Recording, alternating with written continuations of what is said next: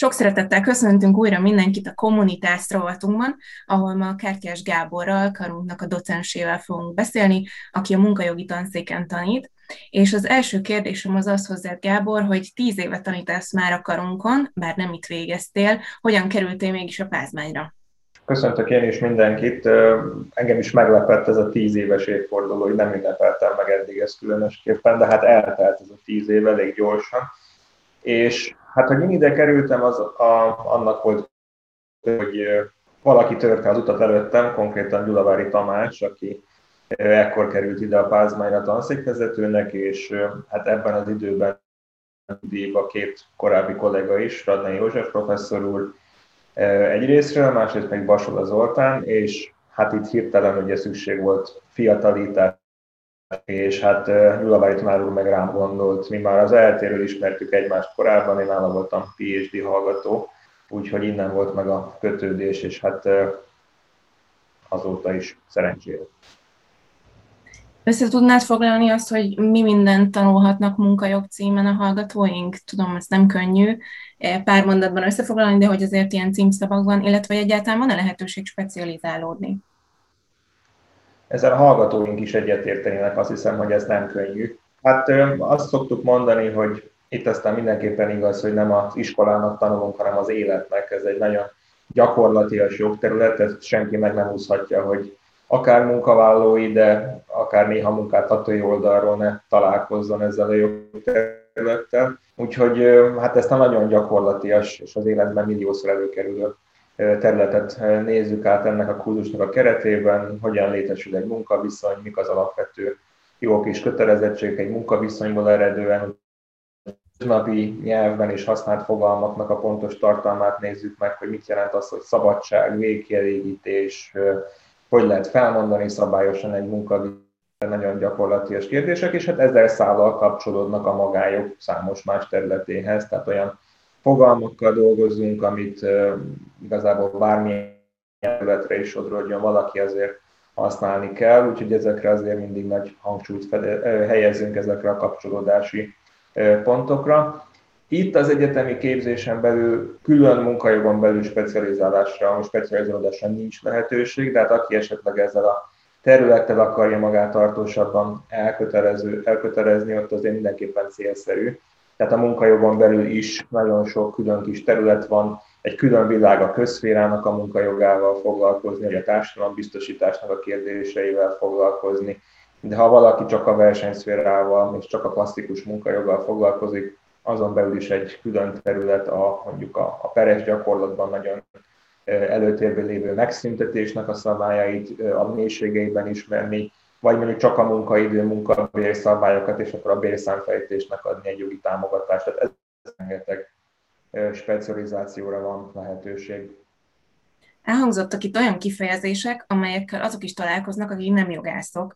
Mennyire elválható az egy laikustól, egy egyszerű hétköznapi embertől, hogy amikor mondjuk egy munkaszerződést végigolvas, akkor tisztában legyen ezekkel a fogalmakkal, értse őket, hogy a saját jogait tudja érvényesíteni, és hogyha alapvetően nincsenek fogalmai erről, vagy nem tudja, hogy egyáltalán ezek mit jelentenek, és, és milyen jogai vannak, akkor kihez tud fordulni segítségül? Hát a tapasztalat az, hogy a munkavállalók egy dolgot szoktak alaposan megnézni a munkaszerződésükbe. Ez általában egy ilyen félkövészedéssel kiemelt összeget jelent. Ez tényleg annyi, ami a állásinterjún elhangzott, de egyébként, hogy mi minden van abban a két-három oldalban leírva, ez nem annyira szokta felkelteni az érdeklődést. Látom, hogy elég alacsony a munkáló tudatossága a tekintetben, hogy nekik milyen jogaik vannak. Egyrészt nem is annyira érvényesítik ezeket, másrészt meg sokszor nem is vannak, nincsenek is tisztában azzal, hogy milyen jogok illetik meg őket a szabályozás alapján. Hát erre kitalálta az emberiség egy jó intézményt, hogy nem is annyira elvárható, hogy egyszerű munkavállalótól, hogy ezeket mind fejben tartsa meg ellenőrizze, erre van a szakszervezet, mint olyan egy ilyen méltatlanul elfelejtett találmány ez itt a 21. században, és különösen a világnak ezen a részén, ahol mi élünk, hogy hát ha az egyszer munkaadótól nem annyira elvárható, hogy mindennek utána járjon, és mindent végig gondoljon, akkor hát lehet összefogni másokkal, és közösen létrehozni egy érdekképviseleti szervet, ami ezt helyettük, értük, megteszi. És hát ugye leginkább így tud egy munkavállaló a saját jogai védelmében, meg a saját érdeke előmozítása céljából, másokkal összefogva teszi ezt meg. Az biztos, hogy nem egy nyerő technika, hogyha kell vagyok a nagy multicég világszerte 30 ezer alkalmazottjának, akkor is én saját magamat megpróbálom majd védeni a 30 ezer embert foglalkoztató céggel szemben hanem inkább az a célra vezető stratégia, hogyha ez a 30 ezer ember megkeresi a közös érdekeit, és akkor ezek mentén közösen próbálják a jogaikat, érdekeiket védeni a munkáltatóval szemben. Neked melyik az a terület a munkajog területén, ami leginkább kedves, vagy amivel a legszívesebben foglalkozol? Hát ez egy nehéz kérdés, ez mindig változik. Tehát ha így végig gondolom az elmúlt éveket, azért mindig más és más kelti fel az ember de pont az a szép ebben a területben, hogy a munkajog ez egy ilyen elég jól lehatárolható kis jogterületnek tűnik, egy kis szakárnak tűnik a jogtudománynak, de hát ezen belül is millió dolog van, amire rá lehet fókuszálni, kisebb kérdések. Az egyik szívügyem ez a kollektív munkajogi terület, amit az előbb emlegettem, tehát hogy mi szükség van szakszervezetre a 21. században, hogy ez ne valamilyen avit múltbeli intézménynek tekintsük, hanem hát lássunk rá, hogy erre alkalmas, hogy nagyobb szükség van, mint valaha. Nyilván adaptálni kell ezt a mostani megváltozott viszonyokhoz, de nagyon szívesen foglalkozom munkaidő, munkabér kérdésekkel. A gyakorlatban a legtöbb kérdés az ebből az irányból jön, ezt el kell. Aki munkajogászt keres, akkor az általában ez a, az irány, hogy adott tevékenységet a munkáltató hogy tud a leghatékonyabban megszervezni, milyen találjon ki ez, és az aztán milyen bérfizetési kötelezettségekkel jár. Rengeteg tevékenységet űzöl, így szóba került akár az, hogy munkajogászként hozzád fordulnak, tanítasz is, ugye előadásokat is tartasz, interjúkat is adsz, gyanítom kötetlen beszélgetésekben is előfordul az, hogy a, a munkajog területe följön. Milyen rangsort tudnál állítani ezek között a tevékenységek között? Hát ez nagyon nehéz rangsorolni, nagyon nehéz megmondani, hogy írni egy csodálatos 40 oldalas tanulmányt valami rendkívül cizellált elméleti kérdésről, amit aztán velem együtt elolvasnak hárman, vagy egy ilyen teljesen alapszintű tanfolyamon előadást tartani könyvelőknek arról, hogy akkor a műszakpótlékot azt hogy lehet törvényesen kiszámítani. Mert ez egy, hát nem annyira intellektuális kihívásnak tűnik, de hát ez utóbbinak lesz igazából hatása lehet, hogy tudom én, több száz vagy több ezer munkavállaló. Volt többször ilyen élményem, amikor ilyen képzések után oda jött a, a cégvezető, és elmondta, hogy ó, hát én most jött rá, hogy rosszul számolták eddig a ilyen-olyan elemeket, és akkor mostantól mi máshogy fogják csinálni. Tehát nem rossz indulatból nem akarta betartani a szabályt a munkáltató, hanem nem tudta, hogy neki van egy ilyen jellegű kötelezettsége is, és hát ilyen gondolkodik, hogy akkor most az adott héten végzett mindenféle szakmai munkából mi volt a legfontosabb, valamilyen nagy tudományos teljesítménynek a, a kergetése, vagy az, hogy 30 család az kicsit több érhez fog hozzájutni, mert hogy sikerült felvilágosítani a munkáltatót, hogy erre még azért figyeljen oda.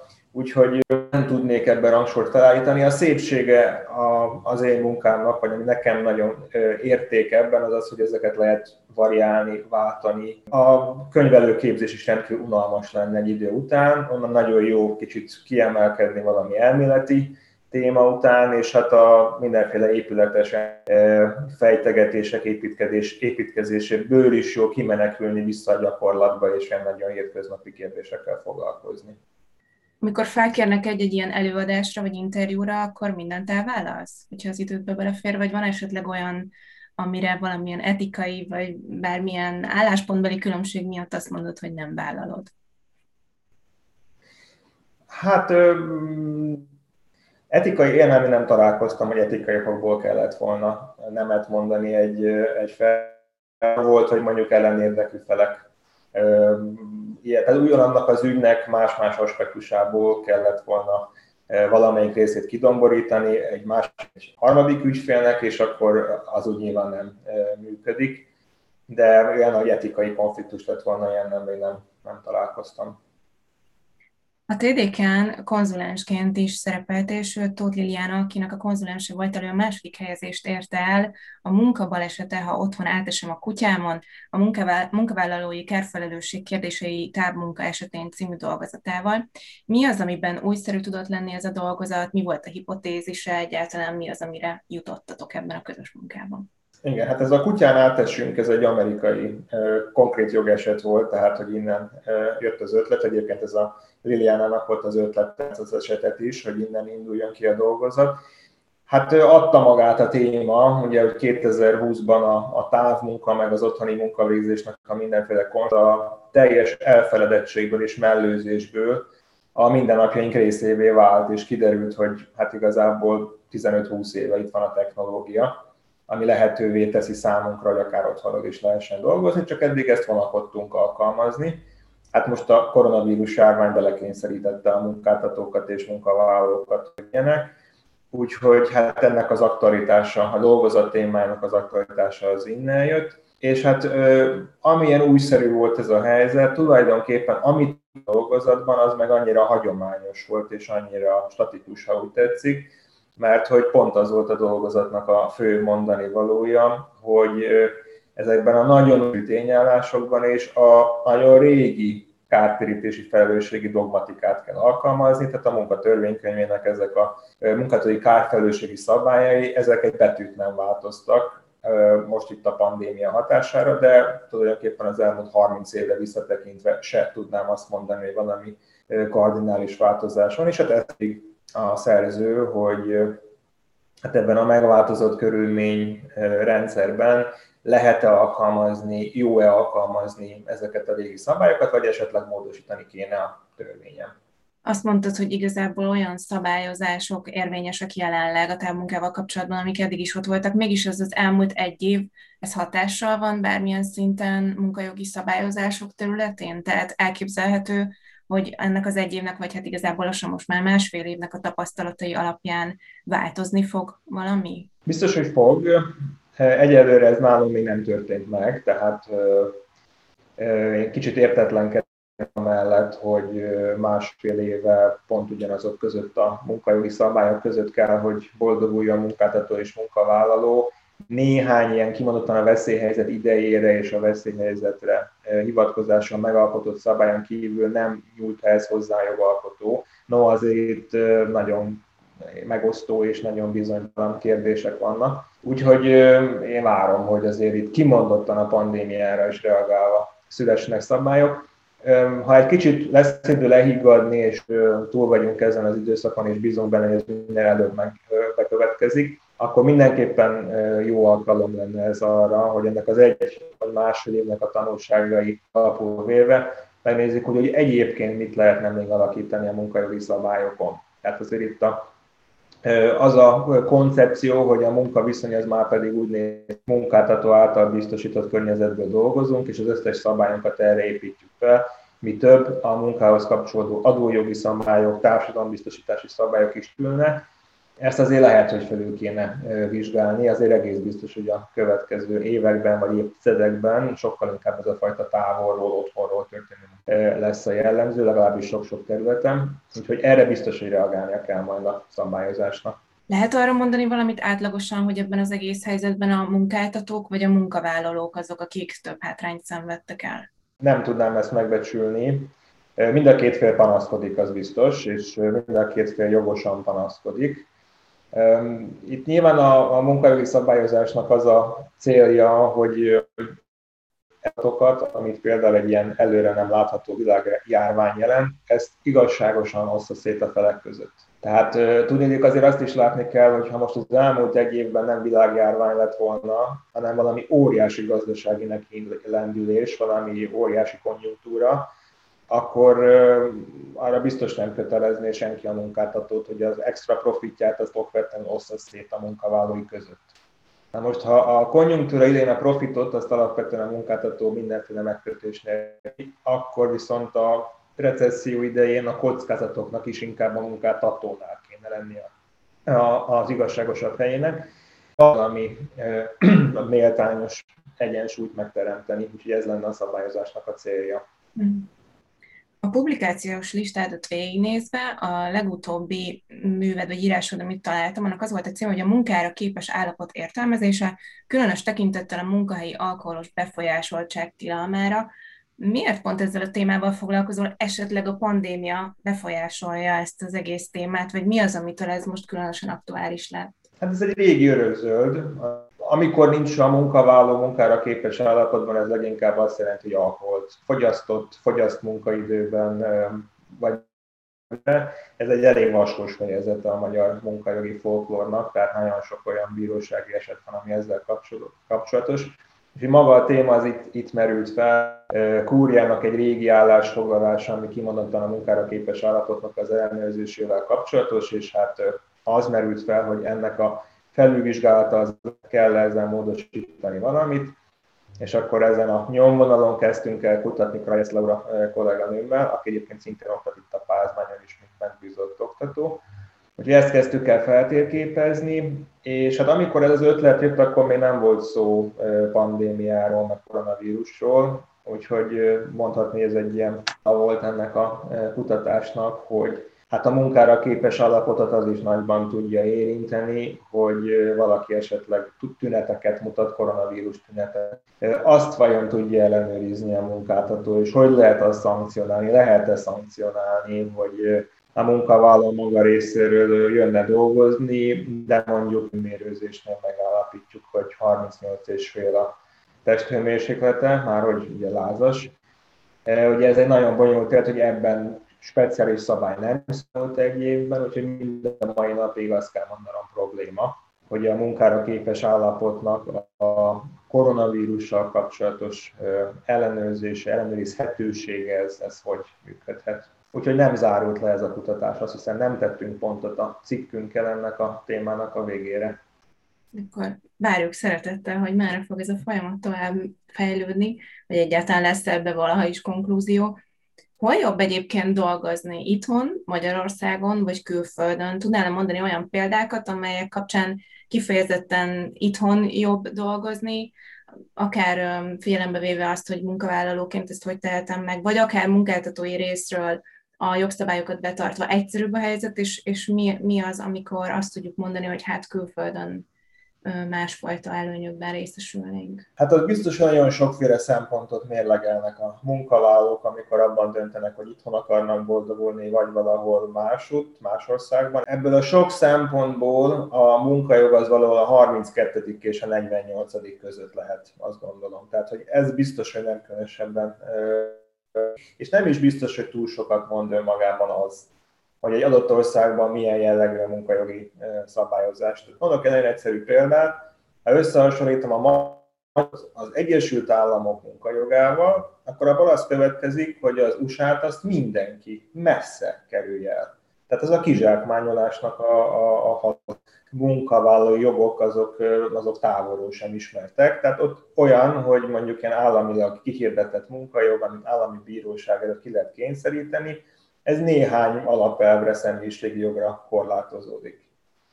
Helyett mondjuk vannak szakszervezetek, meg vannak kollektív szerződések, amik kőkeményen szabályokat.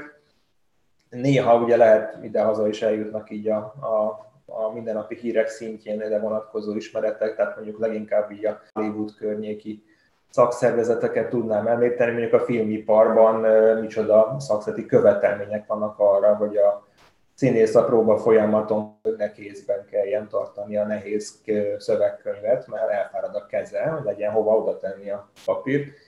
Tehát, hogy nagyon más, nehezen össze, és hát, hogy önmagában az, hogy a törvényben kiirdetett munkajog az egy másik országban poros nyomában nincs mondjuk egy magyar szabályozásnak, azért ebből nem lehetne arra, hát itthon sokkal jobb munkalmat lenni, mint az Egyesült Államokban. Tehát ez, ez nem mond el túl sokat a munkavállási célszerűségről. Minden esetre akkor, ha jól értem, érdemes lenne talán ezt a szempontot is figyelembe venni, amikor azon gondolkozunk, hogy külföld vagy itthon, még hogyha nem is lesz hirtelen az első a szempontok közül, de hogy talán itt a 32. helyről lehet, hogy jobb lenne, hogyha előrébb kerülne. Hát valamivel, igen. Van-e esetleg olyan jogszabály, ami itthonról nézve, egyébként külföldön mondjuk kifejezetten nevetséges, vagy érthetetlen, vagy furcsa? Hát mindig vannak ilyenek, tehát azért a, bár ezek általában nem is annyira a törvényi szabályozás szintjén szoktak felmerülni, tehát azért ugye gondoljunk arra, hogy van nekünk is egy munkatörvénykönyv Magyarországon, és ezt kell 600 ezer munkáltatónak alkalmaznia, amik teljesen tervezetiek, felépítésűek, profitúak, profilúak, tehát nyilván egy mezőgazdasági cég számára teljesen más a fontos a munkajogból, mint egy pénzügyi szolgáltató esetén, aki nagyon magasan képzett munkálókat foglalkoztat. És hát a nemzetközi szinten ez meg még nagyobb különbségeket jelent, tehát az, hogy adott munkahelyen mi a fontos, mi a prioritás, és ez alapján mit akarnak részletesen szabályozni, ez nagyon más lehet.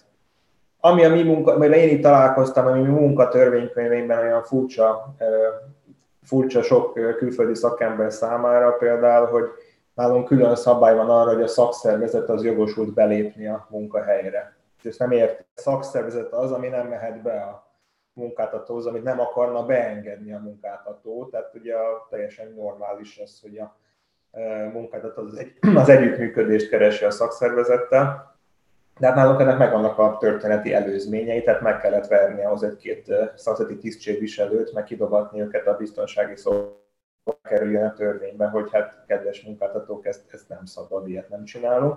Vagy sokan nem értik, hogy miért vannak bérpótlékok Magyarországon hogy miért az állam szabályozza azt, hogy ilyen-olyan plusz teljesítményért hány százalék plusz jövedelem jár, hanem ez tipikusan olyan kérdés, amiben majd a, a konkrét munkáltatók meg a munkáltató megegyeznek. Tehát, hogy ezt nem lehet innen elefántcsontoronyból eldönteni. De hát nyilván külföldi példák is vannak. Gyulavári Tamással az egyik legemlékezetesebb közös munkánk az Albániához kötődik. Ott az Albán munkatörvénykönyvnek egy ionizációs célú felülvizsgálatában működtünk közre, és hát nagy örömmel fedeztük fel azt a paragrafust a munkatörvénykönyvében, ami úgy szól, hogy hát ha a munkavállaló ülő akkor a munkáltató köteles széket biztosítani a munkavállalónak. Kicsit furcsának tűnik, hogy ezt még kellett így tételesen kimondani egy, egy törvényi szabályozásban, de nekik is biztos megvolt az okuk történetileg, hogy miért kellett ennek a szakasznak belekerülni a jogszabályba. És ha már egy ilyen példánál tartunk, akkor Magyarországon mennyi az átfutási ideje annak, hogy történik valamilyen eset, ami esetleg addig nem volt szabályozva, és utána ez jogszabályi szinten is megjelenik? Hát mindig kullog a, a szabályozás az események után, tehát hogy, de én ezt önmagában nem tartom rossznak, tehát nyilván kell legyen gyakorlati tapasztalat ahhoz, hogy, hogy megalapozott döntést lehessen hozni, hogy akkor mi kerüljön ebből a törvénybe.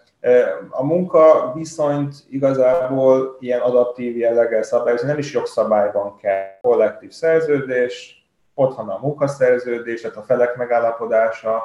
Ha látják a felek, hogy változnak a körülmények, akkor első körben jó egy munkajogi szabályozás, hogyha a felek megteszi lehetővé, hogy lekövessék ezeket a változásokat. Tehát, hogy minél rugalmasabb a munkajog a törvényben, minél inkább vannak olyan generálklauzulák, alapelvek, amiknek a keretei mentén nagyon sokféle változó körülményhez lehet alkalmazkodni, az annál jobb. Én nem vagyok annak a híve, hogy így nagyon gyorsan lekövetünk valamiféle változást. Egy ilyen rossz példát hadd mondjak a gyakorlatból, itt egy olyan 5-6 éve volt nagy vita a vasárnapi munkavégzés, talán erre többen emlékeznek és akkor a jogalkotó neki állt az addigi szabályokat szigorítani, hogy nem tartatnak a boltok nyitva vasárnap, vagy csak korlátokkal. Ez, ez azt eredményezte, hogy néhány hét alatt lett munkatörvénykönyv módosítás, ez teljesen csapnivaló volt, tehát hogy egyszerűen el volt a kodifikációs szempontból, akkor pár héttel később megint törvénykönyvét, na akkor második nekifutása nagyjából sikerült a szabályokat eltalálni, majd kb. egy évvel később az egészet hatályon kívül helyezték, és már.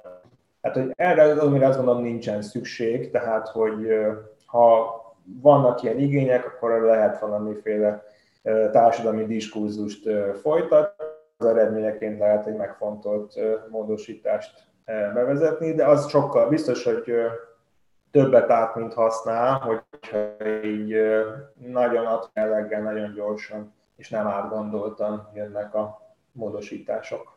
Hogyan érdemes a munkajogot tanulni? Van esetleg különbség itt azok között a területek között, amit a hallgatóink tanulnak, és esetleg máshogy kell ehhez a területhez hozzáállni? Hát a munkajogot nem mindenki szereti, ezt szoktam tapasztalni, amivel semmi baj nincsen, tehát egy teljesen természetes dolog, hogyha valaki így elsőre ettől idegenkedik. Ez különösen egyébként nappali tagozatos hallgatóinknál jellemző, tehát akinek még saját bőrén nem nagyon van, vagy viszonylag kevés munkatapasztalata, sokkal kevésbé találni a kapcsolódást ez a területhez. Levelezősöknél sokkal jobban szokott tehát aki már maga is akár hosszabb ideig dolgozott rendszeresen, az már természeténél fogva érdeklődőbben áll ehhez hozzá. Én azt javaslom, hogy aki érti a munkajogot, ha lenne ilyen, önmagában a munkajogért, törekedjen arra, hogy ezeket a kapcsolódási pontokat keresse, amiket említettem. Tehát, hogy azt, hogy hol vannak ennek a magánjogi gyökerei, hogy mi az, ami tanulság lehet, hogy általában az érvénytelenség tannal, a kötelmekkel kapcsolatban, a, de valaki inkább a közjog iránt érdeklődik, hát az is rengeteg van a munkajogban, tehát a jogforrási rendszernek a sajátosságai, millió kapcsolódás van az uniós jog irányába, ezeket a szinergiákat is lehet erősíteni, hogyha valaki semmiképpen nem önmagában a munkajogot szeretné megismerni, az tekintse ezt a területet, hogy rálásson a jogrendszernek az egyéb részeire, kicsit más nézőpontból, de ez is egy nagyon tanulságos nézőpont lesz. Nagyon szépen köszönöm a beszélgetést, a hallgatóknak, akik munkajogban fognak vizsgázni, nagyon sok sikert kívánunk mindenki másnak is természetesen. Nagyon izgalmas volt számomra mindez, amiről beszélgettünk, és köszönöm, hogy időt szántál erre, hogy ezeket elmond. Én köszönöm a lehetőséget.